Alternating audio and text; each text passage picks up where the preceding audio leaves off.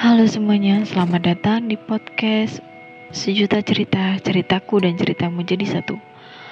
Kali ini ini bersama aku, masih dengan aku dan aku dan aku lagi. Ya, aku suatu Hasana. Kali ini aku mau berbagi cerita horor kisah nyata yang dikirim oleh salah satu teman Facebook yang bernama Dari. Oke, sebelum kita lanjut ke cerita ini, terima kasih untuk kalian yang sudah menonton dan mendengarkan podcast ini di Spotify dan YouTube. Oke, sebelum melanjut ke ceritanya, uh, jangan lupa mampir ke channel YouTube aku, Jurnal Oni. Tulisannya O E double N N I. Oke, kita lanjut ke ceritanya. Siap-siap. Tengok di belakang, ada siapa yang tak terlihat. Rumah bekas orang bunuh diri. Kisah nyata. Kejadian ini dialami oleh bibiku. Namanya adalah Bi Ayu. Sekitar tahun 1999-an, Beliau dan keluarga masih tinggal di kota Medan, tepatnya di daerah Medan Timur. Bi Ayu mengontrak di sebuah rumah petak dulunya. Rumah tersebut adalah rumah bulatan, tetapi oleh si pemilik rumah bagian ruang, ruang tengah rumah disekat menggunakan tembok beton. Jadi kalau dilihat dari luar, tampak seperti rumah petak dua pintu. Rumah itu milik dari keluarga pendakwah agama Nasrani. Ayah dari keluarga mereka adalah seorang pendeta.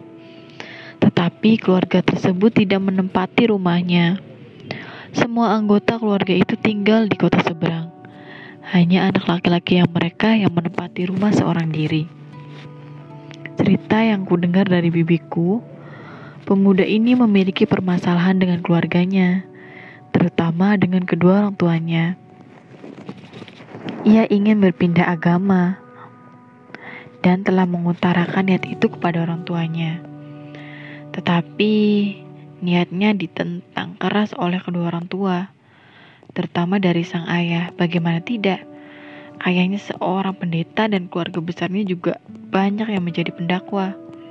Tetapi anak laki-laki mereka malah ingin berpindah agama untuk menjadi seorang muslim. Masalah tersebut itu pendam seorang diri. Mungkin karena keinginan mendapatkan tantangan keras dari keluarga, ia pun menjadi tertekan. Jalan pintas kemudian diambilnya. Pemuda tersebut bunuh diri dengan cara menggantungkan dirinya di ruang tengah rumah mereka. Kabarnya, mayat pemuda tersebut baru diketahui oleh tetangga Tiga hari kemudian, berawal dari sekelompok remaja yang sedang bermain bola di sekitar kejadian. Tak sengaja bola yang mereka tendang melambung ke arah rumah tersebut. Seorang dari mereka kemudian berlari menuju rumah untuk mengambil bola.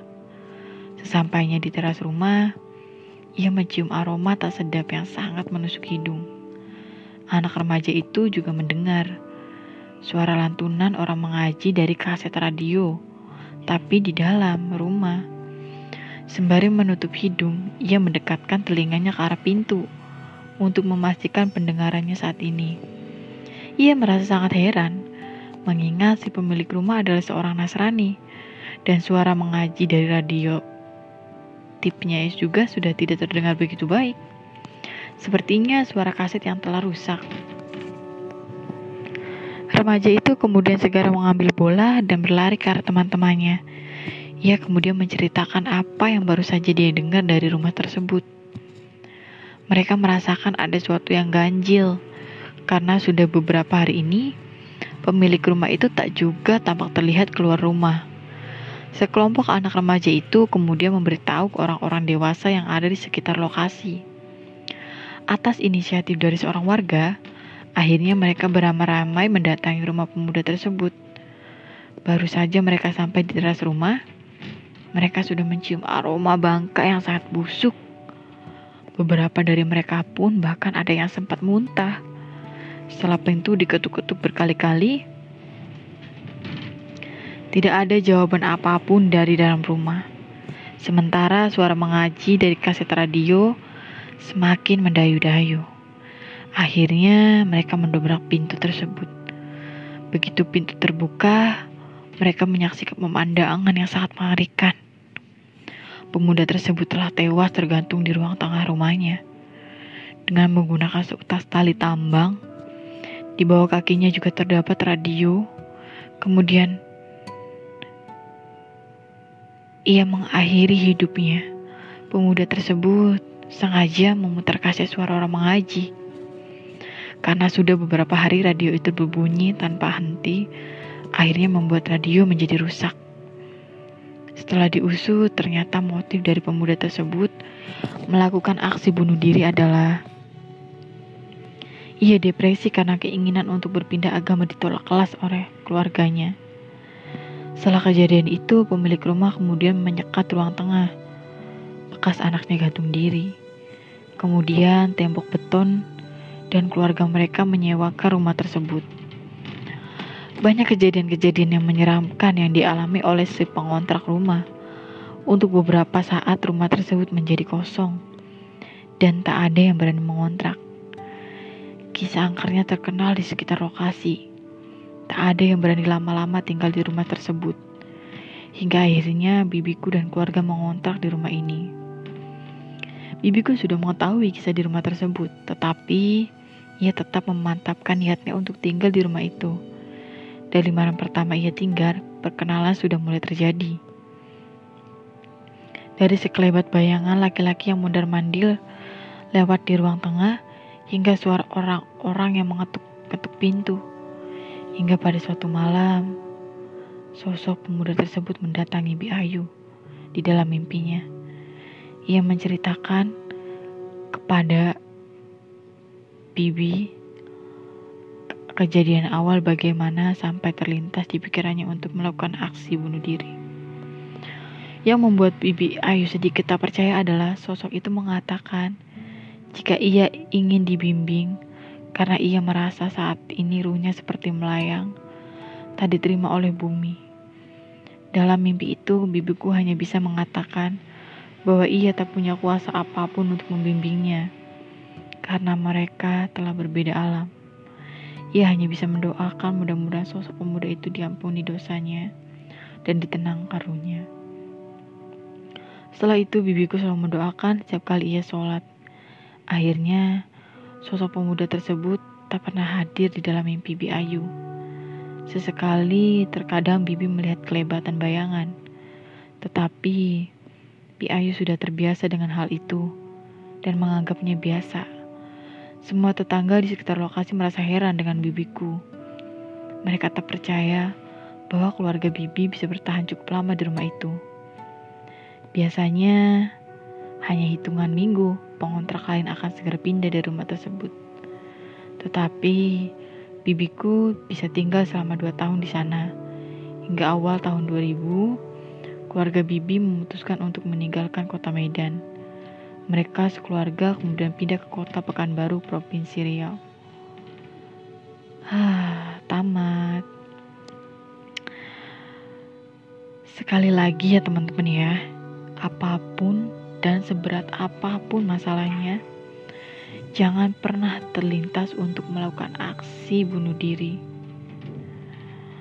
Oke, hanya Allah SWT yang berhak mengambil nyawa kita. Semoga seluruh keluarga kita selalu dalam lindungannya, dijauhi dari hal-hal yang dapat memberatkan dosa kita semua. Amin ya Robbal 'Alamin. Oke, teman-teman, jadi pelajaran yang bisa kita ambil dari sini adalah aku nggak mau mengungkit tentang agama apa pun itu, karena itu bukan ranah aku dan aku tidak punya cukup banyak ilmu tentang hal itu. Yang aku bingung adalah Kenapa pemuda ini tidak mencoba mendalami dengan sembunyi-sembunyi dulu? Kesandanya dia tidak uh, tersulut apa ya egois dan emosi, mungkin dia akan tahu bahwa bunuh diri itu adalah salah satu hal yang paling dilarang di dalam agama Islam yang paling ditentang dalam agama Islam. Tapi mungkin saat itu dia benar-benar terbawa emosinya dan memutuskan untuk bunuh diri. Pokoknya hindari hal-hal yang membuat kalian berpikir untuk bunuh diri. Semoga uh, diterima di sisi yang maha kuasa pemuda ini dan terima kasih untuk kalian yang sudah mendengarkan. Jangan lupa apa like-nya dan share ke sosial media yang kalian punya. Oke, Nuna di sini. Bye bye. While like. Oke, saya. Hmm. Oke semuanya. Terima kasih sudah mendengarkan. Wassalamualaikum warahmatullahi wabarakatuh.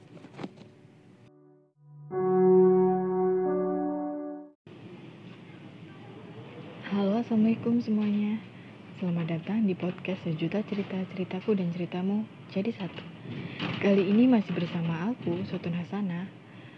Hari ini aku akan menceritakan tentang kisah dari salah satu Instagram Yaitu horror underscore Indonesia underscore seram Jika kalian ingin melihat cerita-cerita yang serem Silahkan kalian cari di Instagram horror underscore Indonesia underscore seram.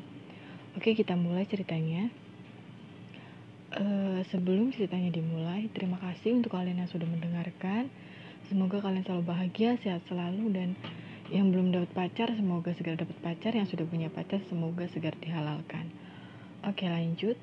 Sebelum lanjut, coba dilihat di belakang kalian ada siapa yang tak terlihat.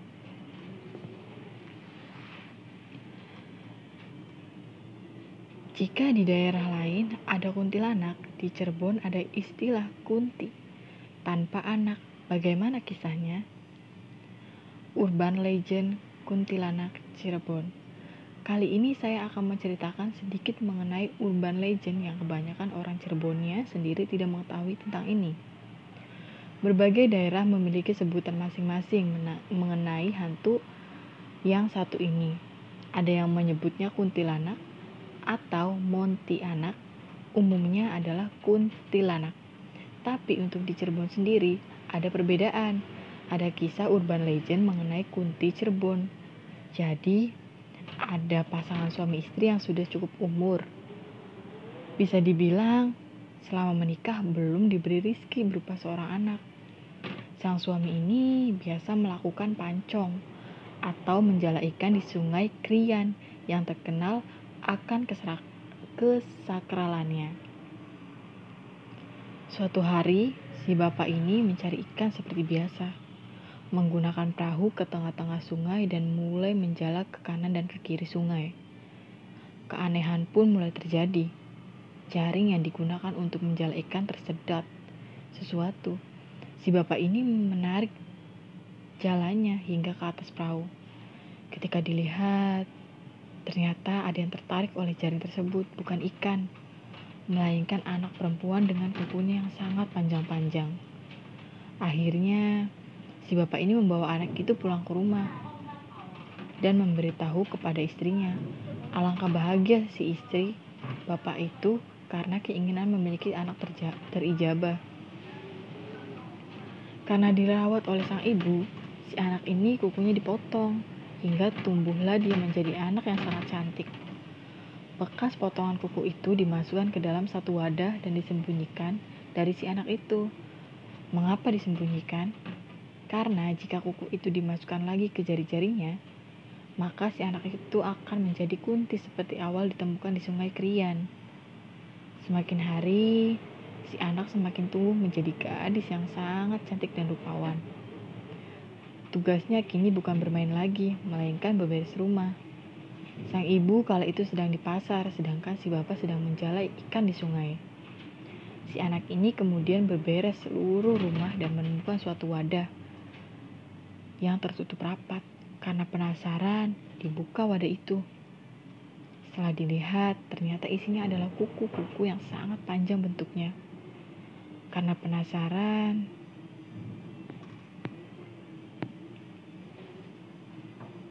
karena penasaran,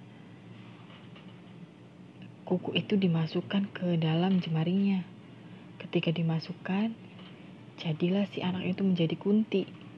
Dari wajah yang cantik rupawan, kini berpenampilan sangat seram.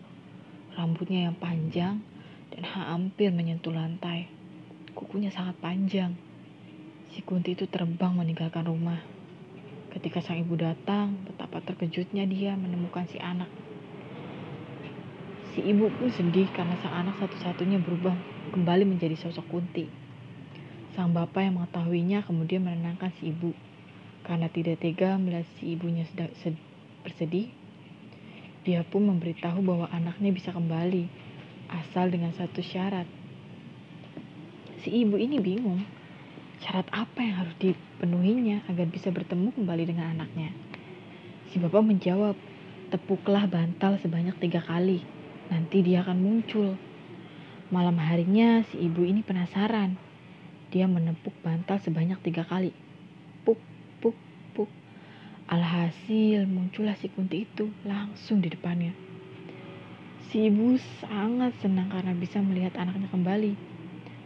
Walau bukan dengan wujud yang cantik parasnya. Hingga kini warga Cirebon percaya untuk tidak menepuk bantal di malam hari karena si kunti akan datang. Mitos ini masih berlaku hingga sekarang. Wah, aku baru tahu loh. Uh, teman-teman, aku sendiri asli dari Indramayu. Ya, Indramayu dan Cirebon itu sangat dekat lah ya. Tapi, sumpah aku baru tahu legenda ini loh. Serem banget ya. Sumpah serem. Aku loh sering nepuk-nepuk bantalku. Nanti kalau ada setan datang gimana? Iya amit-amit. Ih, eh, kalian yang warga Cirebon ada yang tahu kisah ini? Kalau kalian tahu, silahkan share dan komen ya. Untuk kalian yang mau lihat di YouTube, aku ada akun YouTube. Namanya Jurnal Oni. Tulisannya E O N N I. Oke, terima kasih yang telah mendengarkan. Semoga kalian suka dan tetap dukung channel aku. Ya, segitu aja. Terima kasih. Maaf kalau ada salah-salah. Wassalamualaikum warahmatullahi wabarakatuh. Bye semuanya.